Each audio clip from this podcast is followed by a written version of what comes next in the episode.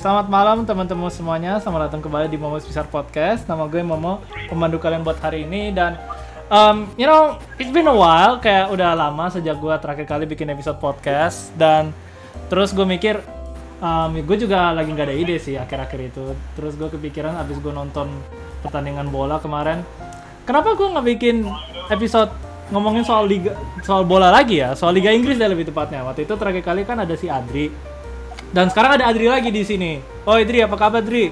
Eh, baik, baik. Alhamdulillah. Oke. Okay. Dan tapi uh, good to hear that, Adri. Tapi selain Adri, oh. gue juga bawa satu lagi uh, tamu spesial buat hari ini, yaitu ada adek gue. Namanya Sansan. Oh, Dek. Apa kabar lu? Halo, halo. Baik, baik. Oke. Okay. So, um, jadi lu pada yang kalau pada ngikutin podcast gue uh, mungkin udah tahu kalau gue sama Adri dukung tim apa gue dukung Chelsea Adri dukung MU Manchester United sedangkan kalau kalau dek lu lu dukungnya tim apa sih dek Uh, jadi kalau gue sendiri gue dukungnya ini agak beda dari yang lain kalau di mana banyak orang dukungnya kayak MU, Chelsea, Arsenal gue dukungnya Tottenham. Tottenham. Nah, ada ini interesting banget tau dan menurut gue. Kenapa kenapa lu dukung Tottenham? Kenapa lu dukung Spurs? Oke, okay, jadi uh, itu pertanyaan gue sering banget dapet kayak kenapa? Uh, kalau misalkan gue ada teman baru atau gimana, terus akhirnya kita mulai dekat dan tanya kayak mulai ngomong tentang bola, mereka pasti bingung kenapa gue dukung Tottenham gitu kan. Yeah. To be honest, gue juga sebenarnya uh, mungkin kalau seingat uh, ingatan gue tuh balik ke jauh-jauh hari itu, gue tuh pertama kali dukung tuh waktu gue masih SD. Nah, hmm. waktu SD itu tuh kalau nggak salah waktu itu gue nonton di TV ada Tottenham, Tottenham lawan siapa gitu. And somehow gue ngeliat, wah kayaknya menarik juga nih. Terus kan kayak gue lupa waktu itu kalau nggak salah masih ada kayak Bale, Van der Vaart, Modric, pokoknya uh, zaman-zaman yang dulu itu tuh masih ada orang-orang itu. Nah, terus kayak gue mulai nonton, terus kayak gue mulai ngikutin dan entah kenapa ya gue jadi suka aja ya. Terus akhirnya gue ngikutin aja terus gitu. Ya meskipun Bell udah cabut terus balik lagi lu masih ngikut lu masih ngikutin Spurs ya. Iya yeah, iya. Yeah. Lu Iya yeah, iya. Lu tuh karena lu tau lah kalau soal dunia supporteran bola itu kan dunia yang keras ya bisa dibilang ya karena setiap kalau ada yeah. kalah tuh bisa langsung di bisa langsung dihujani, bisa langsung dihujat gitu timnya lah, pendukungnya lah dan Spurs itu kan emang dia kan rada tengah gitu ya. Jadi gimana yeah. pengalaman lu sebagai tim bukan papan tengah ya, tapi kayak ada tim yang papan atas dan ada tim yang sedikit di bawah papan atas gitu loh. Kayak kayak Spurs uh, sekarang Arsenal hmm. gitu ya kan. Mungkin mungkin yeah, Leicester juga mungkin sekarang Wolves. Jadi gimana pengalaman lu soal begitu? Uh, eh, gue sejujurnya ngerasa kalau misalkan mungkin di Indonesia gara-gara di Indonesia ya jadi kayak nggak terlalu dibully-bully banget sih. Kayak kalau misalkan kalah atau misalkan ada kenapa-napa gitu seterusnya ya paling kayak sehari doang dibully gitu habis itu nggak pernah diomongin lagi gitu loh okay. jadi gue ngerasa kayak gue ngerasa kalau misalkan di luar negeri gue lihat-lihat tuh kayak kalau mereka tentang bola ya itu mereka bisa kayak sampai ekstrim banget gitu. Iya. Dan kalau masalah kalau di Indonesia kayaknya nggak seberapa. Jadi kayak kadang kalau misalkan gue kalah gitu atau apa, cuman ya paling sehari doang terus ya udah move on habis itu. Iya. Ya kalau di luar negeri beda banget sih kayak lu lu yeah. game week satu game week kalah ya lu bisa diinget terus sampai minggu depannya gitu loh separah itu. Dan kalau kalah ya, lagi aduh nambah lagi gitu loh dibulinya.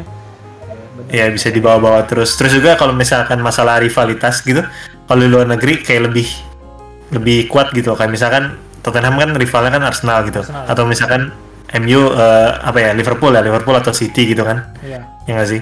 Ya, ya. nah itu mereka kan bisa biasanya lebih parah untuk masalah rivalitas. Cuman kalau di sini tuh kalau uh, temen gue yang dukung Arsenal tuh nggak seberapa seberapa apa ya seberapa musuhan gitu loh iya yeah. istilahnya gitu iya gue ya juga sih kayak kalau soal ngomongin bola kita lebih general sih kayak kalau misalnya lu pendukung Arsenal yeah. bukan berarti lu bakal bener-bener benci Chelsea atau Liverpool eh atau Spurs gitu ya kan meskipun yeah. timnya rival tapi kayak rivalnya kalau kita di sini ada ada general gitu sih gimana menurut lu Dri lu setuju nggak kayak kalau lu ketemu fans Liverpool tuh lu lu lebih Biasa. general atau lu lebih kayak lebih sebel gitu sama fans Liverpoolnya?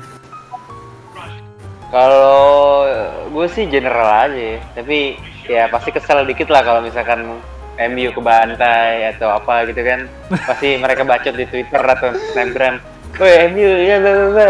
eh kak besoknya kalah tujuh dua.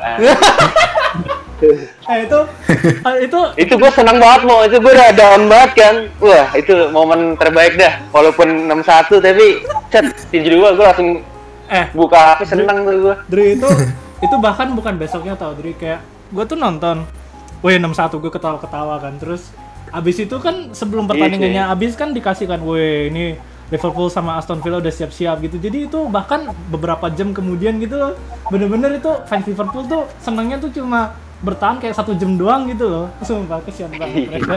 Kocak banget. Oke. Memang iya kan mereka you'll never walk alone. Makanya dia Wih, nemenin MU solid ya. Iya. bahkan tim Oh, rival iya, pun solid, juga. boy. solid. Lo Dre mohon maaf nih tapi Eh, lu tau lah adek Sansan ini kan pendukung Spurs ya kan? Dan yang ngasih Waduh, 6-1 itu kan iya. Spurs. Jadi jadi aduh. Aduh. Gimana ya gimana Aduh, gimana, ya. gimana? Gimana gimana aduh gue itu pas nonton stres banget cuy. Udah pengen pecah kepala ini rasanya udah apa ya sampah banget ini defense-nya. Sebenernya uh, Liverpool fair play sih eh Liverpool sorry. Tottenham bagus sih mainnya sih. Cuman kayak beberapa goalsnya juga mistakes dari MU kan. Kayak gol per gol pertama sama kedua lah ya. Cuman gol ketiga mungkin itu oke lah. Tapi pas semenjak si Martial kartu merah ya langsung nah. kebabat 4 gol kan gitu kan langsung jadi hancur banget gitu. Ya masalah, iya. pertama sebenarnya gara-gara ini sih apa Maguire. Kan. Maguire ya. Terus jadi 10, 10 orang. Jadi ya udahlah nggak ada harapan 6-1 wajar-wajar aja lah iya. Tapi lu ngomongin soal kartu merahnya Martial. Um, gue mau dengar dari perspektif lu berdua. Um, obviously Martial kena kartu merah. Um, ya dia tindakannya agak kasar gitu. Cuma yang gue pertanyain tuh Eric Lamela itu mestinya dapat kartu merah nggak? Gitu. Wah harusnya dapet sih menurut gue bro. Hmm ya gua masalahnya juga- iya. Dia dia eh, nggak iya. nih ini dia pertama sebenarnya kalau lu lihat dia kayak ganggu-ganggu Martial kan tapi Iya, iya. ya ganggu-ganggu minor lah cuman Martialnya mungkin kesel lah cuma ya lose control biasa lah kalau main bola kan Iya. ya itu deserve sih kartu merah dia cuman divingnya itu bro itu kelihatan banget anjir kayak iya ya gue tahu Martial eh, tindakannya emang intensional gitu jahat cuman ya jangan di dive juga gitu kalau misalkan nggak perlu maksudnya itu salah satu curangan lah di bola gitu kalaupun ya kalau kan nggak kena pun apa kan kayak kenanya tuh nggak nggak yang selebay si Lamela Iya, jatuh gitu itu- ada itu pas bahkan- dua detiknya gitu kan. itu nggak di itu nggak ditampar dia cuma dicolek doang. Ya oke Makanya, lah. cuy. itu da- itu dari fans MU kalau dari fans Spurs gimana? Sejujurnya gue juga ngerasa Lamela agak terlalu apa ya terlalu over gitu reaksinya. Sampai dia jatuh guling-guling padahal cuman kayak ditepok dikit doang gitu mukanya. Cuman eh kalau menurut gue, gue sebenarnya gue lupa ini kayak gue pernah baca somewhere gitu. Ini bukan yang gue coba nge-defend ya, cuman ini setahu gue doang ya. Ini dari peraturannya sendiri. Kalau lu misalkan pakai tangan lu ke muka orang itu straight red. Jadi apa ya kalau lu misalkan lihat kalau nggak salah si Martial kan kayak nepok ke dagunya si Lamela gitu kan. Nah itu setahu gue straight red. Nah cuman kalau misalkan yang Lamela lakuin ke Martial itu itu kan dia kayak dorong gitu pakai lengan, pakai bukan pakai tangan kan. Dia maksudnya bukan nepok nepok muka gitu, cuman dia dorong gitu kan. iya Terus mungkin memang agak nakal sih sampai naik ke atas dagu kalau nggak salah seinget gue. iya Nah, gua nggak tahu sih kalau masalah itu. Cuman mungkin kalau dari gua itu harusnya setengahnya kuning gitu. Iya. Awalnya gue lihat, gue tahu peraturan itu menurut gue mungkin merah. Cuman setelah gue lihat ada yang ngomong gitu katanya ya mungkin setengahnya kuning gitu. Iya Tapi ya gue iya. si Lamela emang licik sih kayak langsung over banget gitu. Jadi dari Ya. dulu dia mah bro gue gak suka sama dia ya gue tahu kok gue langsung lihat banyak banget fans MU yang ke Instagramnya si Lamela langsung ngata-ngatain dia wah gila. Maksudnya emang gue udah tahu nih pasti Lamela lakuin sesuatu nih dia emang kerajanya suka diving lah. Mungkin dia underrated juga sih kayak jago kan dia udah lama di Spurs juga ya. Iya, Tapi udah lama. ya kalau lu ikutin Premier League banget gitu pasti tahu lah kayak aksi-aksi eh, orang-orang ya Iya. kalau lu nonton Premier League ya kan pasti tahu yang mana yang suka diving gini-gini. Iya, ya. Sebenarnya jujur gue ngerasa diving itu udah kayak jadi bagian dari bola gitu dan orang-orang tuh harus mulai nerima kalau diving gitu loh sebenarnya. Maksudnya bukan masalah uh, Lamela doang ya, maksudnya di MU kan juga kadang-kadang orang suka bilang ada yang diving kan si Fernandes misalkan, ya nggak sih? I iya. Iya. Iya, dia Iya. suka diving. Dia kan itu raja penalti. Oh, Bruno Fernandes kan raja penalti. Siapa siapa Fernan oh Fernandes. Iya. Gua kira Iya, Fernandes. Bruno Fernandes kan raja penalti, Dri. Jangan salah lo. Jadi gue ngerasa tuh Ya. kalau diving itu kayak ya lu kalau ngelakuin gak ketahuan ya ya nggak apa-apa gitu. Maksudnya gimana ya? Gue gue tahu ini agak kontroversial sih, cuman ya karena itu udah sering banget dilakuin ya lu harus pinter-pinter untuk eh, cari caranya supaya lu dapat advantage gitu loh. Iya. Dan ya memang kalau akhirnya ketahuan lu dapat kuning sih, cuman ya itu kan cara lu untuk cari dapat advantage. Kalau nggak ketahuan ya bagus, kalau ketahuan ya ya udah nasib berarti lu dapat kuning gitu. Itu, itu kontroversial sih. Cuma apa ya? Iya. Dan kalau dan kalau dan itu kan emang lu nggak bisa diving sembarangan karena kalau lu ketahuan diving kan lu tetap bisa ya kayak yang tadi lu bilang deh bisa di kuning gitu loh. Gue Sebenarnya Eh kenapa Iya. Dri? nggak tahu ya kalau ini emang menurut gua diving part of way to win the game gitu kan. Cuman kayak Lamela tuh apa ya? Maksudnya kalau lu divingnya Hmm. pinter dan ya secondnya udah dapet gitu kan. Kalau Lamela tuh kelihatan banget dan gua nggak suka ya refnya ya apa ya kurang aksinya aja gitu kayak Iya. tegornya ya cuman Martial doang gitu. Walaupun Lamela akhirnya dapet kuning juga kan di akhir atau Iya enggak ya? sih. Kalau nggak salah dapat kuning sih, setahu gue. gue nggak tahu ya kalau di peraturan FIFA tuh kalau itu kenapa atas dasar apa dia dapat kuning apakah ref yang lihat dia diving juga atau ya apakah diving itu kalau benar-benar ketahuan gitu itu harusnya kuning atau merah gitu kan ada beberapa ref yang ya nggak nggak ini kan nggak on par on the same page gitu kalau masalah diving Iya. nggak tahu sih apa official rule kayak apa gitu Iya. Ya menurut gua sih eh, oh ya ntar deh ah, abis ini lu ngomong eh, enggak gue cuma bilang kalau menurut gua sih em, kalau misalnya Martial dapat merah, Lamela harus kena merah. Kalau misalnya Lamela dapat kuning, Martial harus kena kuning gitu loh. Karena kayak menurut gua apa yang mereka lakuin tuh nggak beda jauh gitu loh. Meskipun Lamela tangannya agak di bawah dikit ya. Cuma kan meskipun tangan di bawah dikit tapi Lamela yang mulai gitu ya kan. Ya gua menurut gua sih kayak gitu aja sih. Lu tadi mau ngomong apa deh? nah, iya. Gua ya. Gua atau siapa? Gue ya? Lo lo iya. Oke. iya Apa lu lu mau ngomong nggak atau? Oh, enggak sih. Enggak sih ya. Hmm, ya paling gue juga rada-rada setuju sih. Harusnya seenggaknya dapat yang sama lah si Lamela sebenarnya. Cuman kalau jaji, gue kan awalnya mikir gitu. Cuman kalau misalkan judging by the rule yang gue lihat-lihat dari Instagram dan dari mana-mana gitu, eh, ya Martial gara-gara dia tangan ke muka itu jadinya dapat red. Dan karena Lamela nggak ada nggak ada tangan ke muka terus eh, dia juga ya mungkin dia kayak kuningnya itu gara-gara dia eh, kasar ya. Kayak kasar ke musuh gitu. Nah jadinya dia dapat kuning. Cuman kalau misalkan eh, sampai merah ya kalau ngeliat dari rulesnya tuh kayaknya nggak ada gitu yang bisa bikin dia merah cuman kalau misalkan Martial gara-gara tangan ke muka jadinya dia merah jadi argumen gue sih paling gitu Hmm, hmm, oke oke. Oke. Dah em, itu aja dari Maksudnya bukan podcastnya, tapi itu aja dari 61 yang kejadian waktu itu. Eh, karena hari ini kita semua mau ngebahas yang lebih gede. So, eh, kita semua udah tahu kita bertiga dukungnya apa aja. Gue mau ngebahas di podcast ini. em, ya, gue tahu Liga Inggris itu masih jauh banget ya dari kelar ya. Ini kayak baru game week keberapa gitu, ya kan?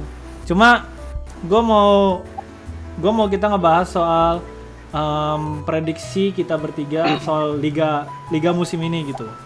Em, misalnya dan yang akan kita bahas hari ini adalah em, kita ngelihat transfernya kita selama em, jendela musim jendela transfer kemarin yang summer ya kan. Dan kita juga bakal ngelihat em, bakal coba ngeprediksi apa apa yang akan tim kita lakuin di jendela yang musim dingin winter transfer dan gue juga mau kita ngebahas ini kira-kira finish di peringkat berapa nih dan seberapa jauh kita bakal melaju di UCL atau kalau timnya ada uh, Europa League gitu. Um, dan kalau misalnya kita ada waktu ngebahas tim lain yang gak didukung sama kita Everton, Liverpool, City sama Arsenal gitu. Gue sih targetnya sih kayak gitu. Oke. So, uh, briefingnya udah kelar. Sekarang rate our transfers. Mulai dari mulai dari Adek deh. Menurut lo gimana transfer lo? gua Uh, enggak. uh, transfer sorry, MU Sansan, Sansan dulu Eh, deh. Abis itu baru lo. Oh, oke Gue. oke. Oke oke. Kalau gua transfer yang kemarin ini ya, yang summer transfer ini kan, Iya. tuh menurut gua bagus banget sih si Tottenham. Dia dapetin semua pemain di posisi yang perlu kalau menurut gua. Hmm. Jadi Tottenham itu kalau nggak salah eh, dia tuh nge-transfer tujuh orang. Tujuh orang itu ini perlu gua sebut nggak? Apa kira-kira gua mention Eh, aja Ya, atau gimana? ya go ahead kalau lo kalau lo ingat. Oke. Oke, kayaknya gue gue coba gue coba list ya. Jadi kalau nggak salah dari kiper itu ada Johar. Kita ngesain Johar. Johar itu mungkin sekarang udah kelihatannya kayak udah dalam masa penurunnya karirnya ya. Cuman kalau misalnya kita inget-inget, Johar itu kan dulu kan Man City kan. Dan waktu di Man City itu kan dia sebagai kiper yang sangat-sangat apa ya krusial ya buat Man City. Hmm. Dia udah menang kalau nggak dia udah menang banyak, terus juga dia kalau nggak salah clean sheet-nya ada uh, most clean sheet ya maksudnya yang Golden Glove itu award Golden Glove itu yang di akhir musim untuk uh, clean sheet terbanyak di satu musim dia kalau nggak salah ada empat tiga atau empat gitu. Hmm. So, so jadi menurut gue lumayan bagus sih mendapatkan kiper yang dulu ada kualitasnya dan kiper yang udah pernah menang banyak di dulu itu bakal menjadi kayak uh, booster untuk tim ini supaya kayak dapat mentalitas juaranya gitu loh kalau menurut gue. Hmm. Yang pertama dari kiper. Terus uh, untuk right back, right back itu kita beli Matt Doherty. Matt Oh, Doherty iya. itu dari Wolves, ya. Awas Dia dulu di Wolves. pendukung salah Arsenal, satu- hati-hati deh. Back, ya, back andalannya Wolves dulu dia pendukung Arsenal. Kita bisa lihat dari uh, posannya Tottenham. Tahu kan kalian? Eh, tahu, gue tahu banget makanya gue makanya gue ngungkit itu ke lu. Dia pendukung Arsenal, dia hati-hati deh. Lanjut ya. Iya, iya, dia, dia dulu pendukung Arsenal, cuman akhirnya ke Tottenham. Dia, gue lihat, gue tuh uh, taunya dia, dia tuh dulu tuh kalau nggak salah waktu di Wolves, dia tuh kalau nggak salah back dengan kontribusi gol terbanyak. Setahu. Damn, oke. Uh, Kalau nggak back, full back, gue lupa. Jadi asis sama golnya itu lumayan signifikan gitu untuk Wolves dulu. So I say ya untuk dapetin dia yang yang merupakan back starter ya Wolves dengan back dengan kontribusi terbanyak di uh, di Liga Premier League ya waktu itu. Menurut gue itu lumayan bagus, transfer lumayan bagus dan kita juga nggak bayarnya mahal-mahal banget gitu lumayan. Terus uh, di back tengah ini kemarin kan kita kalau nggak salah uh, Jumat minggu lalu gitu itu uh, transfer window domestik ditutup. Tran- Transfer window domestik itu apa? Itu transfer uh, di Inggris doang. Jadi uh, lu sebenarnya masih boleh transfer kalau misalkan lu transfernya di Liga Inggris doang. Jadi misalkan lu transfer pemain dari EFL gitu, Liga 2-nya Inggris Hmm. gitu itu itu masih boleh. Nah kemarin kita wak- waktu sebelum tutup deadline-nya kita beli satu uh, back tengah itu untuk masa depan namanya Joe Rodon. Tahu gue, Nah, Jo- menurut- Joe Rodon tahu gue, ya. ya. Maksudnya, Oh lu tahu? iya, iya. iya. Oke, Eh, nah ya Joe Rodon ini dia back tengah Swansea dulu dan dia gue denger dengar dia itu lumayan bagus. Kayak kalau misalkan gue lihat di YouTube sih lumayan bagus, cuman siapa pun di YouTube kan bagus ya. Iya. Iya. Nah, terus eh, ya ya itu pasti untuk masa depan lah. Gue belum tahu sebenarnya kualitas sebenarnya gimana dan Premier League kan belum terbukti kan. Jadi kita lihat aja ntar ke depannya. Itu backup itu sekalian buat backup juga sih. Nah terus di back kiri ada Sergio Reguilon. Itu dia adalah ya dulu Madrid. Nah, dua musim lalu dia Madrid, cuman musim lalu dia di Sevilla. Dua musim yang lalu dia di Madrid sebagai starter, eh, cuman dia pindah ke Sevilla mungkin gara-gara playtime-nya kurang di Madrid. Jadi dia ke Sevilla dan akhirnya menang Europa League di Sevilla dengan umur yang masih lumayan muda. Jadi menurut gue lumayan dia banyak dia potensialnya sangat bagus. Terus juga dia kencang banget larinya. Kalau nggak salah musim lalu tuh dia tuh top speed kedua Wih, gila. untuk di Depannya, Eropa. depannya siapa? Reg. Reguilon ini siapa ya? Sergio Reguilon. Oh, Reguilon ya. Kan kenceng ya. Nomor satu Iya, siapa? dia Mbappe. yang pertama tuh. Mbappe, yang kedua tuh eh, Sergio Reguilon kalau nggak salah. Gila. Mungkin eh, ntar correct, correct me if I'm wrong ya, cuman coba cek aja mungkin nanti kalau misalkan aku Iya, nanti iya, salah. Oke. Terus habis itu di tengah kita ada Hoiberg. Pierre Emil Eh, Hoybier. gua- Oh, Ya. Hoiberg itu dia dulu Southampton, di- defensive midnya Southampton. Dia eh gua jujur ngerasa dia sebenarnya waktu pertama kali gua denger dia tuh gue tahu dia tapi gua ngerasa dia B aja. Cuman kan namanya juga Mourinho dia pasti ngerti lah apa yang dia lakuin. Jadi gua ngerasa dia Mourinho sih. part of the plan of Mourinho gitu. Terus gue bisa lihat sih mungkin dari performa sejauh ini bagus dia sangat-sangat uh, krusial ya dia bisa uh, rebut bola terus bisa passingnya juga oke gitu oke terus uh, itu udah berapa ya satu dua tiga empat habis itu ada ya mungkin yang paling terkenal dari transfer musim Tottenham di musim ini adalah ya Bale itu sendiri ya Bel. Loan Ya, sih balik. Baik. ingat, itu loan ya tapi ya itu benar-benar lu tau gak sih kayak dulu tuh gue jagoannya gue di Tottenham itu Bale dan waktu gue denger dia pindah ke Madrid itu gue benar-benar wah sedih down oh no I know how it feels, bro. Iya, gila. Lu bayangin waktu itu gue masih kecil, gue kayak kalau nggak salah 6 SD waktu itu 2013 ya kayaknya dia pindah. Itu kayaknya gue masih SD Oh. gitu. Nah, nah itu gue denger dia pindah, wah anjir, gue sampai nggak fokus di sekolah. gue mikirin, aduh siapa yang bisa gantiin Kita gitu. Iya. Dan musim terakhir Bale itu musim yang bener-bener paling paling gila lah sih Bale. Kalau kalian mungkin itu pernah lihat di Instagram gitu, gol-gol Bale di Tottenham dulu. Itu dia long shotnya bagus banget dan itu long shotnya sering banget last minute goal gitu. Jadi bener-bener harapan Tottenham waktu itu Tottenham tuh one man team banget si Bale doang. Ya, Parah. padahal padahal itu waktu itu Iya. ada Luka Modric loh tapi atau Luka Modric udah pindah Belum Sebelum performa banget. Udah Eh, udah. udah pindah duluan setahu gue deh. Oh, Udah pindah ya. oke, Jadi oke, oke. Jadi sisa Bale doang yang bener-bener waktu itu top banget itu ya Bale itu doang. Dia bener-bener yang keren banget Tottenham waktu itu. Terus dia pindah ke Real Madrid untuk rekor transfer fee kalau nggak salah waktu itu ya. Iya.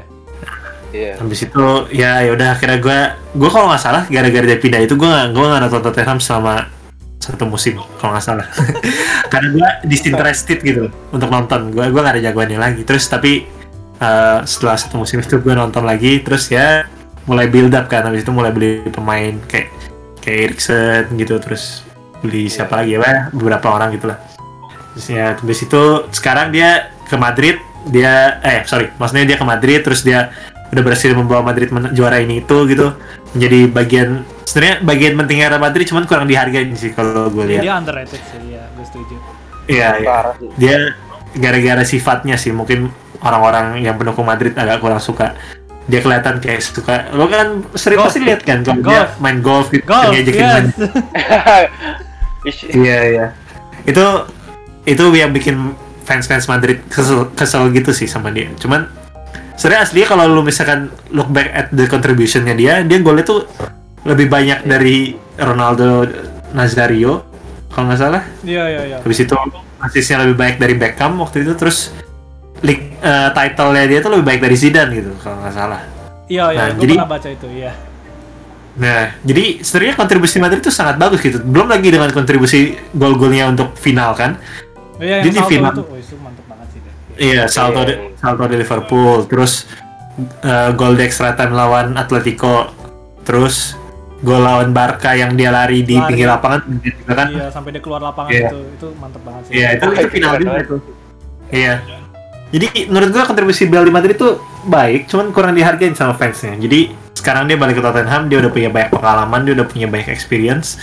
Dan menurut gua ini addition yang sangat bagus buat tim. Mungkin dia nggak bakal sebagus dulu sih, kayak energetik dulu. Cuman gua rasa kalau misalkan gue bisa dapet kayak 60%-nya dia aja di Tottenham beserta dengan mentalitas dan experience yang dia ada menurut gue bagus banget sih.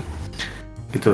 oke oke Nah itu udah semua Terus, belum? eh, oh masih ada lagi oke siapa lagi ya Masih pak, eh ya maaf ya ini lama banget ya gue Enggak, ngomongnya. enggak, enggak apa, enggak apa, enggak enggak. Justru karena karena gue nggak tahu selain yang eh, mungkin mungkin gue kelupaan sih. Yaudah lanjut terus deh. Nggak apa nggak apa, santai santai lanjut terus. Oke.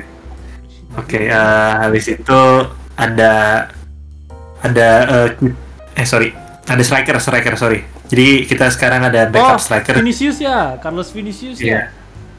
Ya, kalau Vinicius. Jadi selama ini masalahnya Tottenham ini adalah kita nggak ada backup striker. Hmm. Nah, jadi dengan adanya Vinicius ini kita jadi ada backup striker dan salah kalau misalkan Kane butuh dicadangin ya bisa gitu sekarang. Jadi kayak gue ngerasa kalau misalkan Europa League atau misalkan ntar League Cup dan segala macam itu sebaiknya Kane dicadangin aja supaya nggak cedera dan ya dia bisa apa ya, lebih santai aja lah dan meng- menghilangi risk injury-nya gitu loh kalau menurut gue. Hmm. Dan Vinicius ini gue juga nggak pernah denger sih sebenarnya. Cuman eh, dia tuh di Liga Portugal di musim lalu dia tuh top goal scorernya, top scorernya. Oke. Terus That's big. ya, terus ya menurut gue ya bisa bawa dia ke Tottenham ya lumayan gitu. Jadi ya itu itu eh itu kayaknya itu semua deh. Gue gue kayaknya ada kelupaan cuman gue lupa deh. Kayaknya itu semua. Hmm, oke paling gitu aja. Jadi menurut lo transfer window buat Spurs itu bagus banget ya? Sangat produktif. banget. Hmm, oke oke. Sangat produktif dan di sisi yang di posisi yang tepat semua kalau menurut gue. Hmm, Oke oke good good good. Oke lanjut ke MU. Dri, what do you say tentang uh, transfer window MU? Seneng gak seneng sih bro. Gimana ya? Oke. Sebenarnya apa ya? Eh, MU itu gue tuh lebih eh, lebih seneng kalau misalkan kita datengin world class defender gitu dibanding ya em, ah, tapi not bad lah apa musim ini eh, ini gue ngomongin tiga yang benar-benar mungkin bisa influence tim MU ya. Nah, kan kayaknya total ada lima ya yang dua kayak masih youth jadi gue gak usah ngomongin lah mungkin itu masih perkembangan mereka kan. Hmm, tapi eh, kayak Cavani itu menurut gue good deal banget. Soalnya you know lah Cavani how good it is gitu kan di Iya. PSG rasio main dan golnya tuh dari zaman zaman Napoli dari PSG itu udah bagus banget. Dan gue emang ngikutin dia dari Napoli sih dari zaman zaman ya 2012 ya itu kan masih gue masih kecil juga kan. Makanya gue udah tahu banget lah nih walaupun ya mungkin sisi kurangnya dia udah tua ya udah tiga tiga kan. Tapi menurut gue dia bisa bawa inilah soalnya MU tuh lacking sebenarnya kita jago tackingnya cuman finishingnya kurang. Iya. gitu Iya. sih. Kita kita belum ada kayak clinical finisher. Maksudnya Martial Martial menurut gue udah berkembang dari hari ke hari gitu kan. Tapi kalau lu lihat Rashford dan lain-lain tuh gol-golnya yang spektakuler gitu. Tapi kalau kayak one touch finish kita masih kurang banget sih. Kayak voucher gitu lah kalau Cavani kan ya dia ngegocek dikit dapat posisi yang pas dia tinggal tendang. Kayak instingnya udah ada gitu Ke- Hmm. eh, beda sama Martial sama Rashford kayak mereka harus butuh waktu untuk yakin untuk nendang bola ya gitu. Nah itu itu menurut gua dia good deal sih. Terus eh, Van de Beek juga menurut gua good deal karena eh, influence dia ini banget sih. Menurut gua untuk sekarang mungkin dia nggak nggak se well eh, nggak sebagus Fr- Bruno Fernandes dan Pogba secara skill. Cuman eh, karena karena dia masih muda juga gitu kayaknya dia bisa add a lot of things ke squad MU karena dia box to box player banget. Eh, kalau lihat rasio mainnya dia waktu pas lawan Newcastle kemarin terakhir itu masuk langsung 3 gol. Jadi MU satu-satu kan terus Iya. menit 70-an si Van de Beek langsung masuk. Ya dia eh, kayak dia waktu itu si pas golnya Fernandes apa Mata ya pokoknya kayak he's very apa karena ada dia tuh makanya bisa tiga gol tercipta gitu makanya menurut gua dia eh, juga good deal sih. Terus Alex Telles sebenarnya gue nggak gitu ngikutin ya. Gue gue nggak gitu tahu juga gitu kan. Dan menurut gue Luxio sebenarnya walaupun kadang suka bikin error kurang lebih udah bagus sih sebenarnya jadi left back. Cuman tapi kalau dibandingin Alex Telles menurut gue masih bagusan Alex Telles karena eh dia bisa add up ke asisnya karena kalau lu lihat-lihat tuh dia mainnya kayak Andrew Robertson Liverpool Hmm. tipe-tipe yang kayak gitu. Jadi menurut gua kayak MU tuh ya itu sih nggak senengnya karena mungkin senengnya tiga-tiganya menurut gua premium quality players ya cuman kayak back kita walaupun kanan kiri menurut gua bagus ya Alex Telles sama Wan Bisaka cuman kayak Tengah. center backnya nggak ada yang bagus anjir oh Maguire anj- aduh 80 juta anj. ya pokoknya ini sih gue gue kecewa aja sih kita nggak datengin ya gue kayak if if kayak kalau bisa dikasih skenario nih misalkan gue dikasih pilihan mendingan gue datengin Sergio Ramos satu satu doang satu musim atau tiga player itu yang Cavani Van de Beek sama Teles gue mending Ramos anjir Eh tapi masanya masanya gini Dri kayak em, ngomongin soal Harry Maguire ya. Dia tuh gue Ah. inget banget nih ini eh, MU ketemu Chelsea yang MU menang 4-0 itu ya. Harry Maguire tuh mainnya Ah. bagus tau. Cuma gue nggak tahu kenapa setelah dia lawan Chelsea itu entah kenapa mainnya jadi jelek gitu loh. Gue juga nggak ngerti. Dan sebenarnya Ya, dia tuh gue juga. emang bagus Dri. Kayak pas Leicester, pas Leicester itu dia kan bagus. Entah kenapa gue nggak tahu sih. Apa mungkin kalau menurut gue dia nggak bagus sih mau gue pas aja. dia masuk MU pun gue apaan Oh. apa apa apaan nih 80 juta Yo, tapi itu mahal Maguire sih, kayak iya. biasa aja menurut gue Iya, itu mahal maksudnya mungkin kalau MU mungkin problemnya di sini karena price tag dia terlalu tinggi sih makanya Iya, jadi ekspektasi orang tinggi banget kan Iya. makanya Iya. Iya, uh, speaking of ekspektasi tinggi ya. Ini kan kayak ya, kayak ya lo tau lah, adek adek tau lah. Ini mengarahnya ke mana price tag tinggi tapi performance-nya aduh eh, sangat memalukan. Anyways, um, Oke Dri, jadi bisa dibilang lu agak mixed, fe- mixed feelings kali ya soal transfer window Iya, summer betul, kemarin. betul. Hmm, Oke oke. iya iya tinggal gua. So, um, seperti yang kita semua tahu, Chelsea itu kalau transfer window kemarin kayak main FIFA Career Mode, belinya banyak banget. Dan gua, Iya.